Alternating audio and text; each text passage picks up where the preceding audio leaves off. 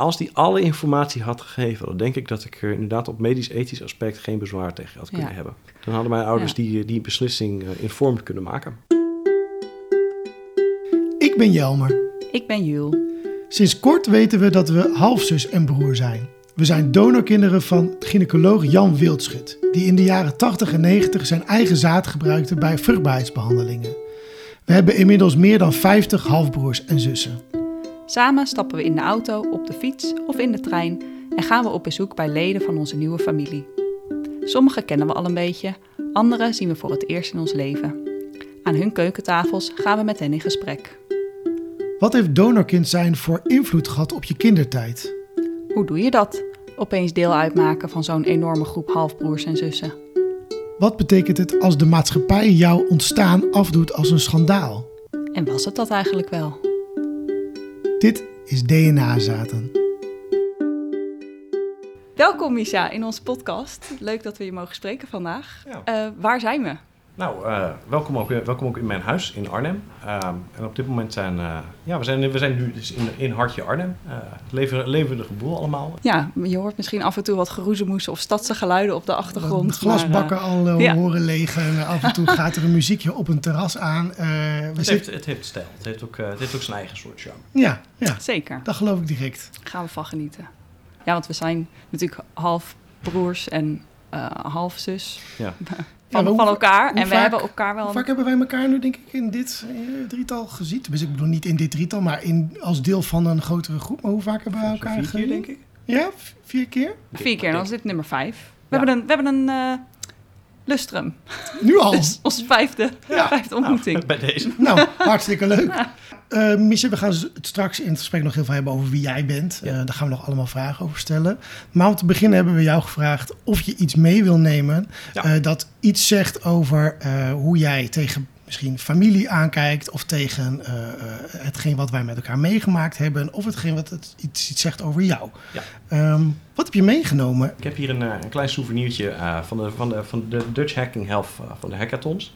Want je hebt een kussen vast. Ja, ja. Daar staat op Dutch Hacking. eh, sorry, wat staat, wat staat er nou op? Dutch Hacking Health. Nee, wat het, het leukste, wat ik, van de leukste dingen die ik ooit gedaan heb, was, zijn inderdaad de Hacking Health Hackathons geweest. Waarin je dus in, eh, in, een, in een weekend eigenlijk een, eh, een oplossing gaat bedenken voor een zorgprobleem. En een van de, de eerste jaren dat ik meedeed, toen, eh, was ik nog aan het studeren. Toen liep ik stage in het ziekenhuis. Eh deed ik onderzoek naar mensen die tot rust moesten komen in het ziekenhuis. Want dat is heel moeilijk. Het is een hele verstorende omgeving. En ik weet voor mezelf, weet ik ook heel goed hoe verstorend een omgeving kan zijn voor je rust. Ik heb zelf wel een beetje last van sensory overload. En dat betekent dat, eh, kijk, ik krijg alle signalen van de omgeving tegelijkertijd binnen. Maar goed, ik ken, mijn, ik ken mijn grenzen en ik weet hoe dat zit. En ik heb ook een mobiliteit om ergens anders naartoe te gaan. Ik weet, eh, ik weet ook wanneer ik dat moet doen. Maar mensen in het ziekenhuis die moeten herstellen, die hebben dat niet. Ik deed daar onderzoek naar wat, eh, wat antigeluid dan kan doen voor mensen in zo'n, omge- in zo'n situatie. En dat is dan als je. Ja. dat is als je een geluidsgolf hebt Ja. en als je de tegengestelde geluidsgolf geeft, dat ze elkaar uitcancelen. Eh, dus ik heb met zo'n headset heb ik ook met mensen, heb ik mensen geïnterviewd. En ik heb eh, mensen, dat, mensen een, eh, stressplek, een stresssticker opgedaan, de hartslag te meten en zo. Super gaaf onderzoek. ja. En samen hebben wij de, de Microcosmos gemaakt. En de Microcosmos is eigenlijk een soort van kap over een ziekenhuisbed. Mhm.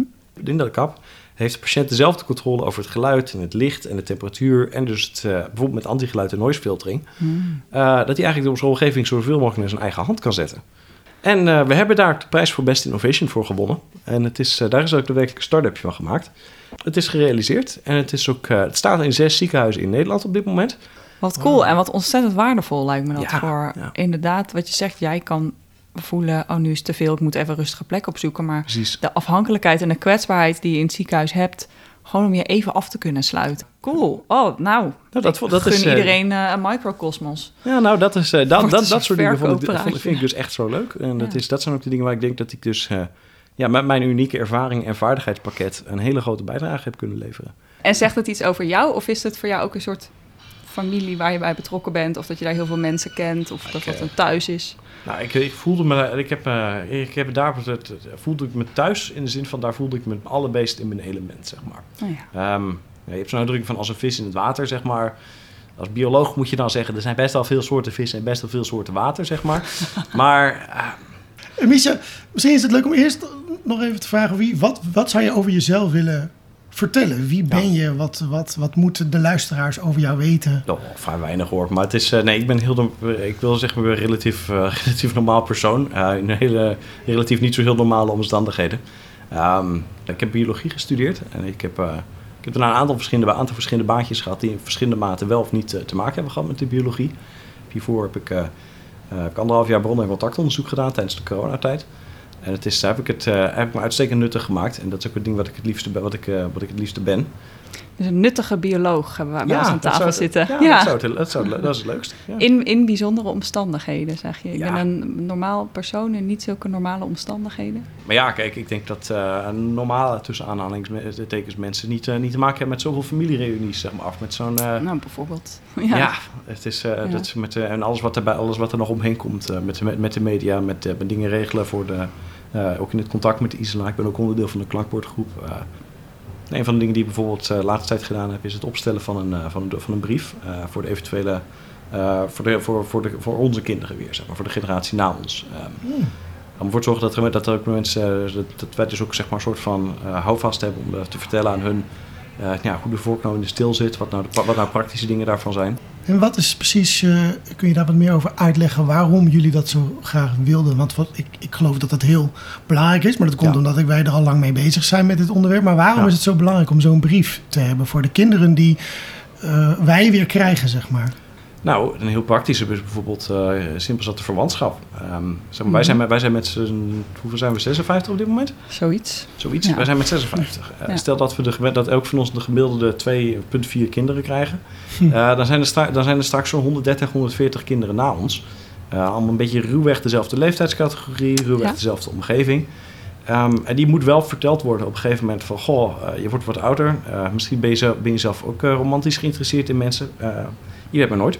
en als je iemand heel leuk vindt, dan moet, je dat, moet je dat A, tegen diegene, tegen diegene altijd, altijd durven zeggen. altijd heel eerlijk in zijn.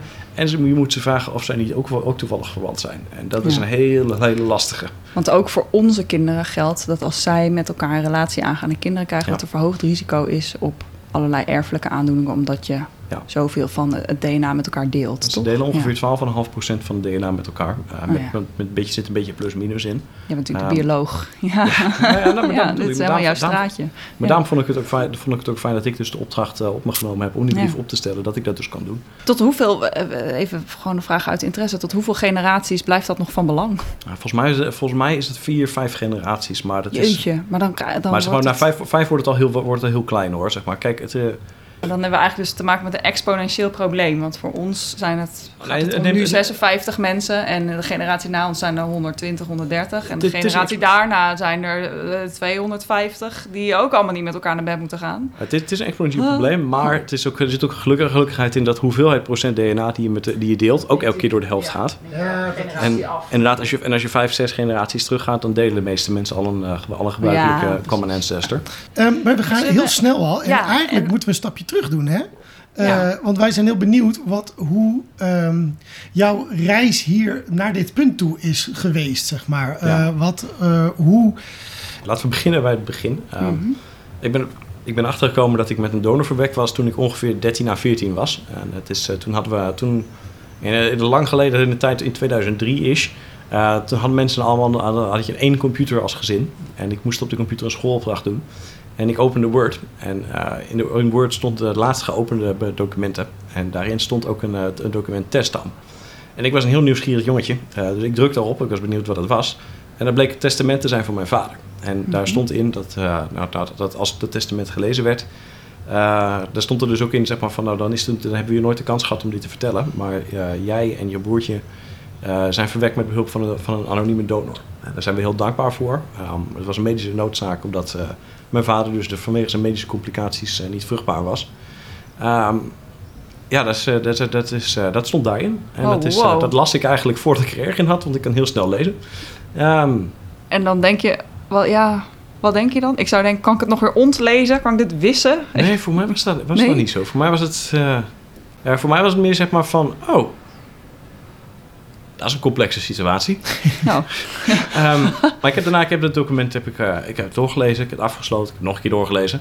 Nou ja, ik, heb dat, ik had het gelezen en ik heb het eigenlijk al die tijd gewoon bij me gehouden. Het was meer iets van dat je, dat je van passieve kennis over jezelf. Mhm. Van, eh, ja, dat is de, oh ja, dat is, ook, dat, is ook waar, dat is waar ook, zeg maar. Van die dingen die je, waar je niet actief aan denkt. Ja. Ehm, Mag ik dan nog iets vragen? Sure. Ehm, ehm, deed dat iets met de blik die je op je vader had? Eigenlijk niet. Niet op dat moment. Hm. Ehm, ik heb wel tijden gehad dat het wat minder, wat minder makkelijk ging met mijn vader. Daar gaat dit verhaal ook naartoe. Ehm, maar ja, een van de, mijn, mijn ouders zijn ook gescheiden, zeg maar. En dat is ook het volgende gedeelte van dit verhaal. Mhm. Ehm, want tijdens de scheiding was ook uh, dus was er, was er een tumultueuze scheiding ook geweest. Zoals het helaas heel veel zijn. Op een gegeven moment dat, eh, waren ik en mijn broertje eh, bij, mijn, bij onze vader ehm, voor de kerst. En eh, toen heeft hij ons op de bank gezet en heeft gezegd van... Goh, ik moet jullie toch, iets, iets- toch eens iets vertellen. En het was rond deze tijd, rond ik zo'n 15 à 16. Dus eh, toen zette hij ons op de bank en heeft hij gezegd van... Goh, je moet jullie iets vertellen. Jullie zijn eh, verwekt met behulp van een anonieme donor. Daar waren we heel blij mee. Ehm, dat is echt... en hij heeft, dat, is, dat is iets wat hij nooit gestopt is met benadrukken. Dat hij, hoe blij hij was dat hij ons had. Dat, is Mhm. ook, dat is iets wat ik ook altijd gevoeld heb. Ehm, wat heeft hij dat gezegd? En toen heeft hij ook gevraagd... Goh, wat, ja, wat vinden jullie daar nou van? En eh, ja, toen heb ik hem ook gezegd van... Goh, ehm, nou, ik wist het eigenlijk al. En op dat, hij reageerde op een heel, heel aparte manier. Hij zei... Oh... En hij zei dat met een beetje een mi- een mix van verbazing en ergens ook een klein beetje bewondering. Dat volgens mij, volgens, mij Dat was je dit had uitgevogeld. Ja, volgens mij was hij er een klein beetje trots op ergens.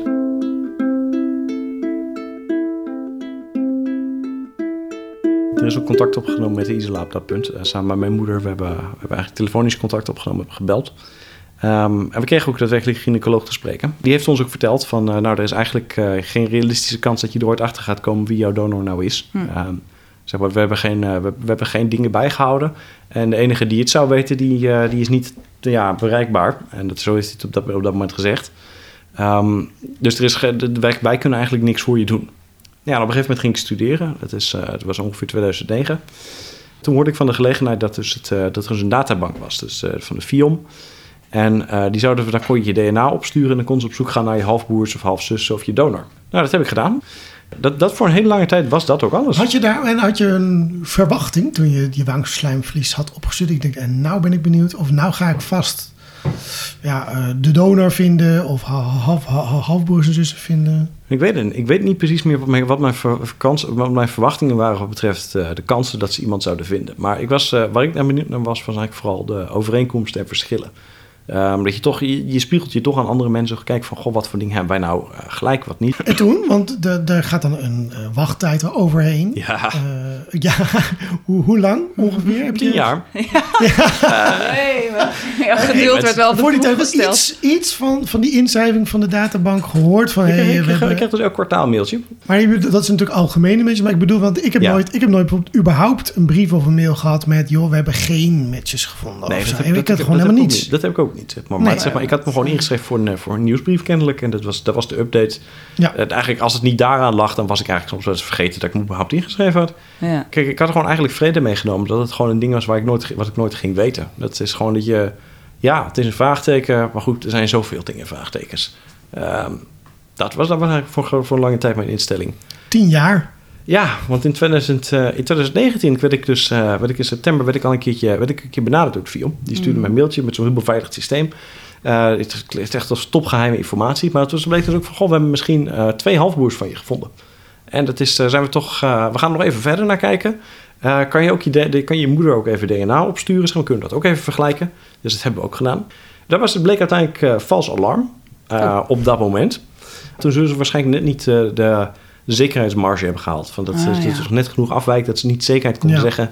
En dan kunnen ze beter niks zeggen. Maar ja, dat was dus, eh, daar hoorde ik dus ook weer een jaar niks van. En toen, eh, toen in 2020, eh, in oktober, ja, toen werd ik in één keer gebeld door het FIOM. Het, met het bericht van, goh, nou, we hebben uiteindelijk toch, we, hebben jou, we hebben jouw donor gevonden. We hebben halfbroers en halfzussen gevonden. Jouw donor is dokter Wildschut. Dokter Jan Wildschut, die was van, vanaf dan tot dan werkzaam in de Isla. Ehm, je hebt op dit moment zo'n 17 of 13, nou weet ik het even niet meer. Het was nou van een priemgetal. Eh, aantal, halfbroers en halfzussen. En ik ga er vandaag nog vier bellen. En eh, er is ook een commu- communicatiegroep. Zou je daar meer over willen weten? Het is echt best wel veel tegelijkertijd. Oh, yo, Ik ja. ben zo benieuwd hoe dat voor Maar, jou op want- dat moment... Ja, Toen was dit nog helemaal niet in het nieuws. Nee, dus dat- bij jou ging nog was het helemaal geen lampje zeiden. branden van Jan Wildschut. Ja, wie is die man? Nou, dat is, eh, Ja. dat is dus tweeledig, zeg maar. Kijk, aan de ene kant was het ook... eh, ze zeiden het ook bij van, nou, waarschijnlijk komt er over een paar weken ook een publicatie bij, zeg maar. Ehm, en toen, maar toen ze zeiden van, jouw arts, jouw, jouw donor is de, is de fertiliteitsarts geweest. Toen eh, moest ik eigenlijk ook... aan- Mijn eerste reactie was gewoon om te lachen. Ja, Ik dacht van, ja, overkomt mij weer. ja dit verzin je niet. Maar goed, ik, ben het dus, eh, ik heb dus gezegd van, nou, ik ben eigenlijk wel, ik ben wel geïnteresseerd in meer informatie. Ehm, ik heb er verder, verderop in de week heb ik ook contact met jou gehad, Jelmer, voor als allereerste. Dus ja. Maar, maar toen de telefoon ging, was Ja. je thuis. Ja, ik was dus- Gelukkig, want het Ja. lijkt me... ne- Ja, God, anders als was- toch in de supermarkt Bij staat... de dan- bushalte. Ja, dan voor- weet je voor toch de even niet waar melk. zoeken met zo'n Ja. boodschap. Je zou verba- je- je- ik heb mensen in letterlijk al deze situaties gehad tijdens het bron- en contactonderzoek trouwens, als even trivia. Oh ja. Oh ja, tuurlijk. Oh. Ja, mooi. Ja, dat Ja. is ja. Ik heb, de enige die ik ooit gemist heb, was iemand letterlijk in een, die let, op dat moment in een rollercoaster zat. Dat is me nooit gelukt. Maar voor de rest, Letterlijk in een rollercoaster. Ja, voor de, woe! voor, voor de rest in, een, in, een, in een voertuig, in een winkel, eh, bij, op een begrafenis, alles. Het is, Jij zat dus niet in een achtbaan. Nee. Jij, jij zat Ja. misschien figuurlijk in een achtbaan. Ja, maar letterlijk zat je achtbaan. Nee, ik, thuis. ik zat gewoon in, op, op de, werkkamer, Bij je moeder? de werkkamer. ja. Ja. En ik, eh, ja, ik, ben dus, ik ben dus naar haar toe gegaan. Ik heb gezegd van, goh, eh, mama, ik moet je toch even wat zeggen. Ik ben net gebeld op het Vion. Zegt de naam Jan Wildschut jou wat? Hij is, eh, hij is de donor geweest. En dat was wel heel wat. Ja. Mijn moeder heeft het ook heel zwaar mee gehad. En Ja. ik was heel erg onder de indruk van, eh, van een column die ze geschreven heeft. En het, is, eh, ze was, het was aanvankelijk voor haarzelf. En dus, toen ze klaar was, heb ik het ook gelezen. Dat vond, dat vond ze fijn. En, ik heb, en toen heeft ze ook gezegd van, goh, zou ik het niet ook moeten opsturen naar Libelle? Kijken of zij er wat aan, of zij er wat aan hebben. Want het is namelijk, eh, kijk, naar, schat, naar, eh, naar schatting weet slechts 1 op de 10 donorkinderen dat hij dat is. Mhm. En dat betekent dat er echt nog een hele grote groep van ons is die, eh, die we nog niet kennen. Ja. En dat zij weten dat er, een, dat er een menselijk verhaal achter zit, is zo belangrijk daarvoor. Ja. Om ervoor te zorgen dat je realiseert van, god, dit is niet een, eh, dit is niet een statistiek, dit is echt eh, dit is iets wat een mens kan overkomen. En Ja. dit is een mens net zoals ik. En daar ben ik zo trots op dat mijn moeder dat, eh, daar een stap in heeft gemaakt. Ja. Het is namelijk wel dat ze, ze moet wel heel, twee heel zware dingen met elkaar vereenzelvigen. Aan de ene kant heb je natuurlijk een kind waar je dol op, waar je dol op bent. Um, aan de andere kant moet je wel erkennen dat er wel iets heel, heel vreemds en heel verkeerds gebeurd is. Wat, Ja. wat ervoor gezorgd heeft dat. En om, om die plus en die min bij elkaar te doen is heel lastig, zeg maar.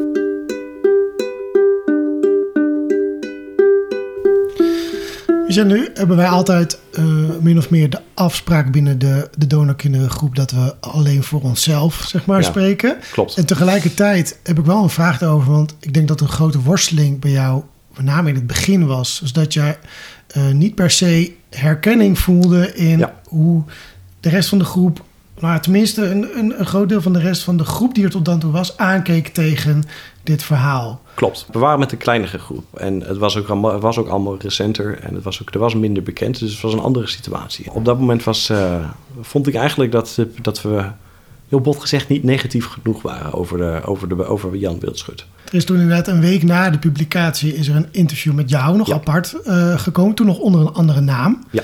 Uh, hoe, en, hoe kijk je daarop terug? Wat, wat, wat stond ja, er in dat... Ja, het in was, dat... was doodheng om te doen, joh. Het was het eerste, eerste grote Ja, media-interview wat ik ooit gegeven had, Ja. zeg maar. En je zit pas zo kort in het verhaal. Ja, Je, en het was weet ook... uh, pas net. maar inderdaad, Want, een van de... Van nog de heel even, misschien om te specificeren, want je vertelde, je, je was het er niet mee eens hoe Jan Wildschut Ja. werd neergezet in de media. Want op dat moment was nog een beetje het verhaal van, oh, er was zo'n groot tekort en ja, hè, hij heeft het uit een, om te helpen, heeft hij dit gedaan en nou, was het eigenlijk allemaal wel zo slecht. Dat, dat Ja. was een beetje de, de ja, en dat stak me.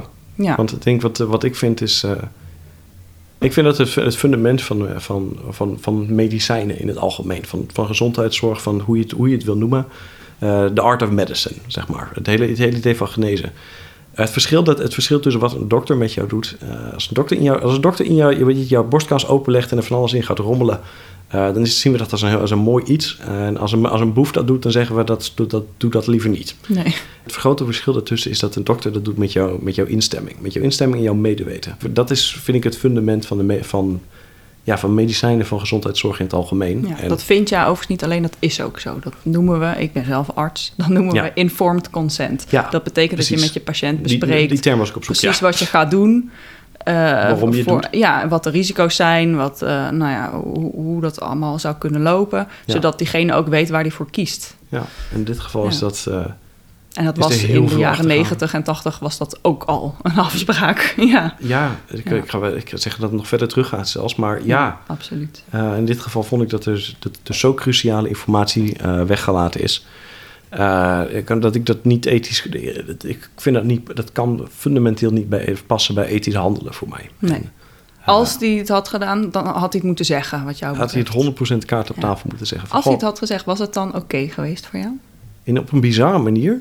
Als hij, het had gezegd, als hij het had gezegd, plus had gezegd met, hoeveel, met hoeveel er al waren, plus met gezegd Ja. hoe vaak er, hoeveel er nog zouden gaan zijn. Dus Ja. dat hij niet per se dat hij, dat hij zou gaan stoppen met een bepaald getal of zo. Ja. Als die alle informatie had gegeven, dan denk ik dat ik er inderdaad op medisch-ethisch aspect geen bezwaar tegen had kunnen hebben.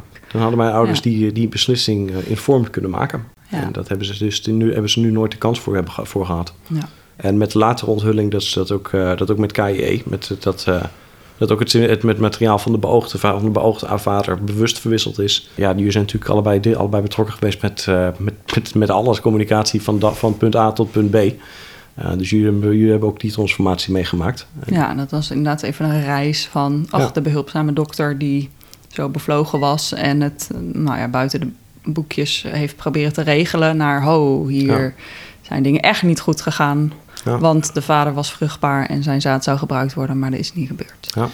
Is dat interview dat je hebt gegeven, en later heb je volgens mij nog, nog wel eens Ja. een quoteje gegeven of nog een interview. Jazeker. Is dat, is, was daarmee eh, voor jou de, de worsteling ook voorbij? Of is die worsteling er nog steeds? Die, die dat is er worsteling, nog steeds. Dat ja? hoort erbij. Ik denk dat eh, nu wetend dus dat Jan Wildschut mijn biologische vader is, herken ik, her- vraag ik mezelf wel akelig vaak af, zeg maar, heb ik, heb ik naartrekje nummer, nummer zoveel, heb ik dat van hem? Oh ja. Of zou ik, eh, zou ik, in, zijn positie, zou ik in zijn positie net zo, net zo gehandeld hebben, Ja. zeg maar?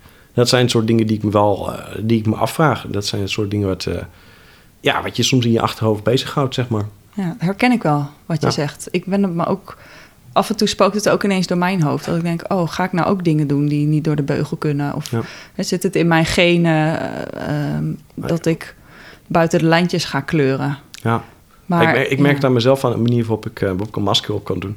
Het is wel een van de dingen die ik me heel erg afvraag. Zeker gezien het, eh, ja, het, het, het beeld wat geschetst is van het persoon Jan Wildschut. Versus wat we nu ook, eh, de, de feiten die we weten over persoon Jan Wildschut. Hoe dat met elkaar te vereenzelvigen is. Dan vraag ik me af hoeveel acteerwerk eh, is daar van toepassing geweest. En hoeveel daarvan eh, kan ik aan hem relateren.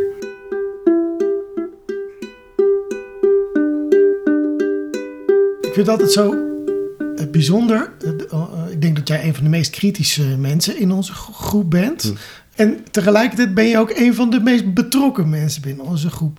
Ik vind het altijd zo mooi hoe je die, twee dingen samen hebt kunnen brengen. Want je had natuurlijk ook, en dat is meteen mijn vraag, want ik ga hier een vraag van proberen te maken. Ja.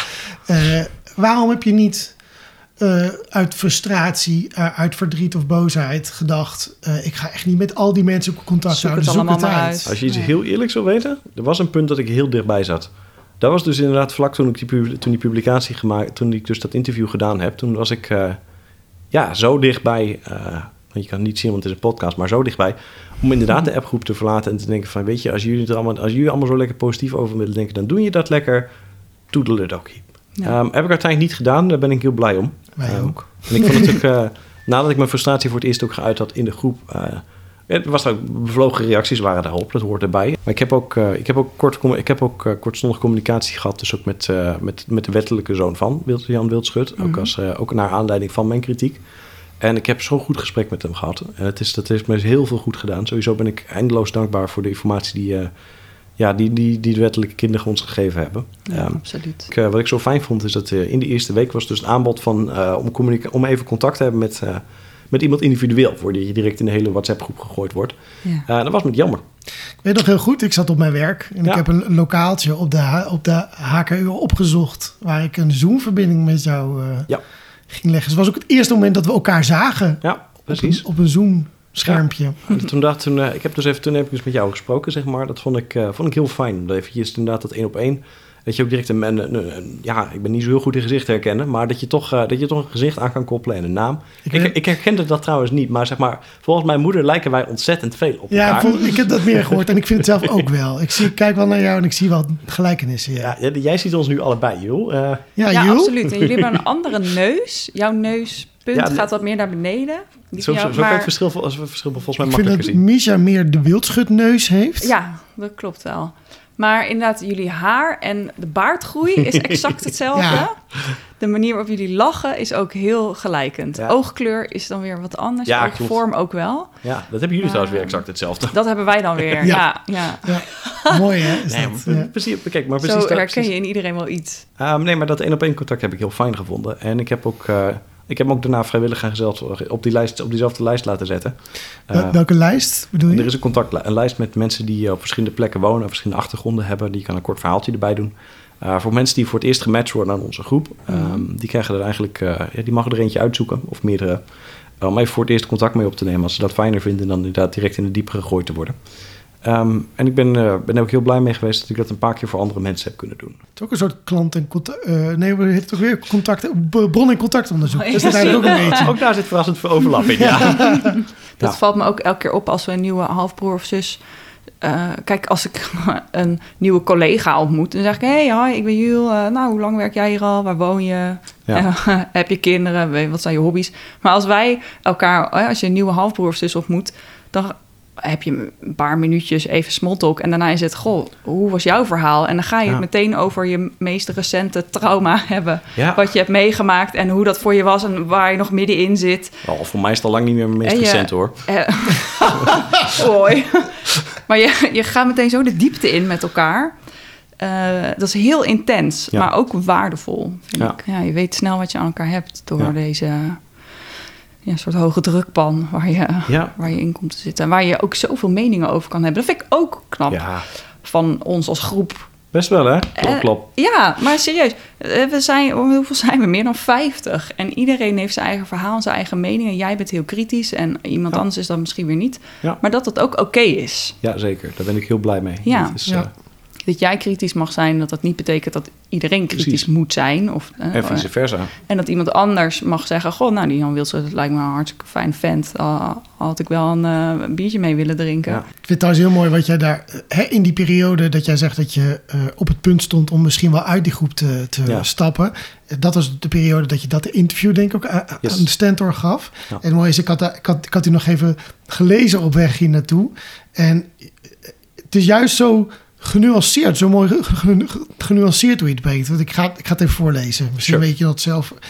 Eh, want je zei tegen de Stentor, het is niet zo dat ik, dat ik tegen hen ben, tegen de anderen, zeg maar, die een andere mening hebben. Ja. Eh, maar, mijn, me- maar mijn mening spreekt niet, niet iedereen aan. Het is voor iedereen een complexe tijd. Sommigen kijken er fundamenteel anders tegenaan. Maar er zijn er ook genoeg mensen die zeggen we verschillen van mening. En dat respecteer ik. En dat is ook wederzijds. We kunnen deze persoon alleen afleiden via verhalen van zijn familie, zijn collega's en via zijn acties.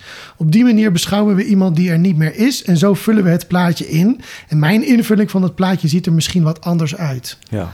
Ja, Ja. dat vind ik prachtig. Sla je de spijker op zijn kop. Ja. Ja. Ja, ik moet Ben je zelf onder de indruk vond van ik- jezelf? Ik ben- ik ben- Het is apart om jezelf weer terug te horen, weet je.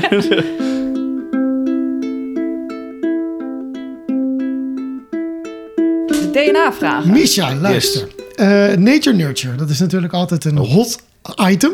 Hè? Waar, wat komt er nou uit je DNA en eh, wat komt er door je, je opvoeding? Ja. Eh, sommigen eh, zien ons als eh, levend experiment, onze groep. Omdat wij wildvreemden voor elkaar zijn en toch DNA met elkaar eh, delen. Moet ik heel eerlijk bij zeggen, daar ben ik er één van. Hè? Ik ben, ik ben wetenschappelijk ja, ja. gezien best wel heel benieuwd naar wat voor mij- data je kan En verzamelen. volgens mij was jij een van de mensen die Ja. al wel eens had gesuggereerd... jongens, zullen we een data-onderzoek binnen de groep gaan starten? Er zijn mensen best wel geïnteresseerd inderdaad in het onderzoeken naar eh, ons. En wij gaan je helpen. Ja. Eh, want eh, eh, om een, een informele start met dat data-onderzoek te beginnen, hebben wij de drie DNA-vragen Yes. bedacht. Eh, en dat zijn vragen die eh, worden gesteld middels een prachtig bingo-rad. Dat hebben Yes. wij ook eh, meegenomen. Daar mag jij zo dadelijk drie ballen uit tevoorschijn halen. Ieder nummer staat voor een vraag. Soms een, een, een serieuze, soms een iets minder serieuze. Die komen van Jules. Nee, dat is flauw. Dat is niet waar. Nee, dat is niet waar. Ik ben wel gelijkwaardig. Deze, dat is wel lullig. Die knippen we eruit. Ehm, en die antwoorden eh, die jij en alle andere gasten geven, die verzamelen we. En dan eh, kijken we wat we ermee doen. Ja, dan geven we het, het we het aan aanleiding de tot een mooi data-onderzoek. gesprek. Ja, Nou, precies. ik vind het, dat vind ik heel leuk. Dus, Ja? eh, zal ik hem aftrappen Ben dan? je er klaar voor? Uiteraard. Oké, zijn wij er, er klaar voor? Ja, absoluut. Oké, dan zeg ik draai maar. Joep. Daar komt er al Maar eentje. hij rolt er ook direct Oeh. vanaf. Vijf. Nummer 5. Wat is jouw lievelingskleur? Dat is echt heel, dan heb ik echt de saaiste optie alle tij- keuze alle tijden. Grijs. Ik grijs. Ik kreeg al zo vermoeden. Ja, zeg maar. Je t-shirt en de Eh, gordijnen. mijn t-shirt, de gordijnen, eh, mijn haar veel te snel, eh, mijn, mijn rugzakje daar. Alle, van alle, grijs vind ik een hele, hele simpele en praktische kleur. En ik vind het gewoon, het staat mij ook. Maar een grijze wolkenlucht. Ja, ook. Ik doe het niet vaak genoeg, helaas. Maar zeg maar, ik vind het ook wel leuk om op de, computer dingen te tekenen. En een van de dingen waar ik toevallig, wat ik toevallig heel, een prachtig mooie digitale borstelset voor heb om te tekenen, zijn wolken. nee, maar serieus, dus, het is, ik vind het echt heel rustgevend om inderdaad een mooie, een mooie, eh, mooie wolkenvul te tekenen. Ja. Misha, je mag door met de volgende vraag. Yes. Dan ga ik hem dit keer ook eens de andere kant op draaien. Kijk of die dat ook werkt. helpen. Ja, daar komt hij al. Hij rolt er ook weer vanaf. En dit is nummer 066. 66. Nummer 66. Oeh, Ja. dit is, Dit is een moeilijke, Dit dit is leuk. de favoriete Ja. vraag van Beschrijf Jelmer. jezelf Oh, deze. als toetje in drie woorden. Oké. Even nadenken. Zoute ijskoepé. Het zijn twee woorden. Is, ijskoepé het inwoord? Ah, fuck. Ehm, Is de coupé of een koep? Koep, koep. Ja, Je hebt hier in, eh, hier in Nederland, volgens mij nergens anders, want het kan volgens mij, ik kan me niet voorstellen dat je zo'n unieke combinatie ergens anders hebt, uh, dropijs. Ja, En ik, hou, ik ben, wel van de, ben wel van de drop. En je hebt, eh, je hebt op heel sommige plekken, je hebt ook lang niet allemaal hebben het, eh, heb je dus dropijs. En ik hou wel van, ik hou wel van dropijs. ja, het is ook ja, een ik uniek... kies het dus nooit. Want het spreekt Nee? me helemaal niet aan, maar is het lekker? Ja, Ik hou wel Ik van drop en van ijs, maar dropijs. Maar ho ho, want dus, wat jij lekker vindt. Maar wat zegt het over jou? Want dit moest een toetje zijn dat jou omschrijft. omdat dit, dit een ding is wat alleen maar ontstaat in deze hele specifieke omstandigheden. Van zeg maar in een ijssalon in Nederland, die nog specifiek, waar de specifiek eigenaar niet is van uw drop. Daar zijn ook een hoop mensen van, te veel mensen. ja. Allemaal uitzetten naar België, vind ik. Maar Da- nou, dan ga ik vast. Dan pak ik mijn spullen. Dit was een leuke podcast. Nee, maar dat, eh, kijk, dat is eh, onder deze, alleen onder deze specifieke omstandigheden kan dit ontstaan. Ik denk dat dat eigenlijk ook is voor, voor mij. Dat zeg maar, de persoon die ik nu ben, is alleen maar ontstaan vanwege een heel specifieke set, eh, set omstandigheden. Zowel, zowel letterlijk de fysiologische omzelfde omstandigheden waar jullie door ontstaan zijn, maar Ja. dan met andere, andere, andere moeders, zeg maar. Ehm, maar ook zeg maar van alles wat ik, wat ik sindsdien heb meegemaakt. Eh, alles, al, dat, al dat soort dingen. Inderdaad, de nurture versus de nature, waar ik ja, het erover had. Nature Eh, die, die vormt de mens tot wat hij is. En eh, Maar je mag draaien, want we gaan voor de derde en laatste DNA-vraag. Yes. Het is nummer 64. Nummer 64. Ben jij een ochtend- of een avondmens? Oh, nou dan denk ik dat ik zeker weet een avondmens ben. Ja? Ja, en niet dat ik in de ochtend nutteloos ben, maar ik merk dat ik gewoon zo- dat ik s'avonds gewoon meer doe. Wat doe jij dan eh, eh, s'avonds? Eh, je, eh, kijk je films, lees je boeken? ben je moeilijke di- dingen aan het doen? Soms veel vaak kijk ik gewoon, kijk ik gewoon, dom, kijk ik gewoon domme dingen. Soms probeer ik inderdaad een stukje te tekenen. Ik merk eerder dat ik, te- dat ik, wat- dat ik s'avonds wat te lang doorga dan dat ik 's ochtends te vroeg begin, zeg maar, bij wijze van spreken. ja, ja. Ik zit nog even naar een quote eh, van jou uit dat interview... wat je, wat je in, in oktober 2020 eh, had gegeven te kijken. Eh toen werd op een gegeven moment de vraag gesteld... heb je mensen al in het echt ontmoet? Zei je, ik heb ze nog niet werkelijk ontmoet vanwege corona niet... maar het is ook de vraag of het er de juiste tijd voor is. Iedereen zit in een, in een wervelwind. Het is een heel stressvolle tijd. Ik ben blij met verwanten, laat dat duidelijk zijn. Ik ben wel benieuwd om ze eens te ontmoeten... maar ik ben niet op zoek naar een nieuwe familie. Ik zie het meer als een groep verwanten en lotgenoten dan familie. Ik ben wel benieuwd naar onze overeenkomsten en verschillen. Die hoop ik te kunnen vinden. Ja. Heb je die gevonden? Eh, ja, maar één ding wat ik wel wil zeggen is dat ik... eh, dit, is, dit is nou een van die dingen wat ik vind dus dat ik van, van mening veranderd ben. Want ik denk dat dus eh, dat, dat inderdaad eh, met, met de hoeveelheid intensief contact die we dus gehad hebben over de afgelopen twee jaar. Het is eh, dat we inderdaad, vanaf mijn perspectief, en dit is dus iets wat dus echt voor mensen verschillend is, denk ik dat we inderdaad familie zijn. Eh, Ja? Ja. Mooi. Ja, Ja, en ik- en- ja ik vind ik Wauw, mooi. ja, ik En vind ik vind, het, bijzonder. en ik, vind, ik vind het ook niet iets om rang in te delen als jullie zijn een echte familie, jullie zijn met een half echte familie. Of we zeggen, zo werkt dat niet. En wat maakt het voor jou familie? Dat we, zoveel, dat, eh, dat we inderdaad zoveel te delen hebben. Ja. En dat is eh, zowel inderdaad van, van onze eigen eigenschappen, maar ook onze verhalen en dergelijke. En eh, ja, dat. Ja. Het is, daar, zit een, daar, zit een, er zit een X-factor in die ons inderdaad opgezet heeft van, eh, van lotgenoten naar familie, vind ik. ja. Dus eh, dat, dat is een ding uit het, inderdaad wat, van, van Misha uit 2020 wat ik eh, aangepast heb. Dank je wel. Ja, Misha, ik vind je een fascinerende man. En ik hoop dat je nog veel, eh, nuttige projecten eh, naar je toe krijgt in de toekomst. Ik hoop het ook. Volgens mij eh, daar ga je helemaal van stralen. Ja. En fijn dat je niet uit de groep bent gestapt. Dank ja, je nog. ja, daarvoor. vind ik ook wel fijn.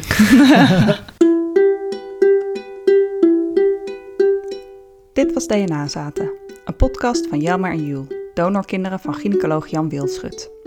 Over dit verhaal schreef Jelmer de roman Kit, KID, die nu in de winkels ligt.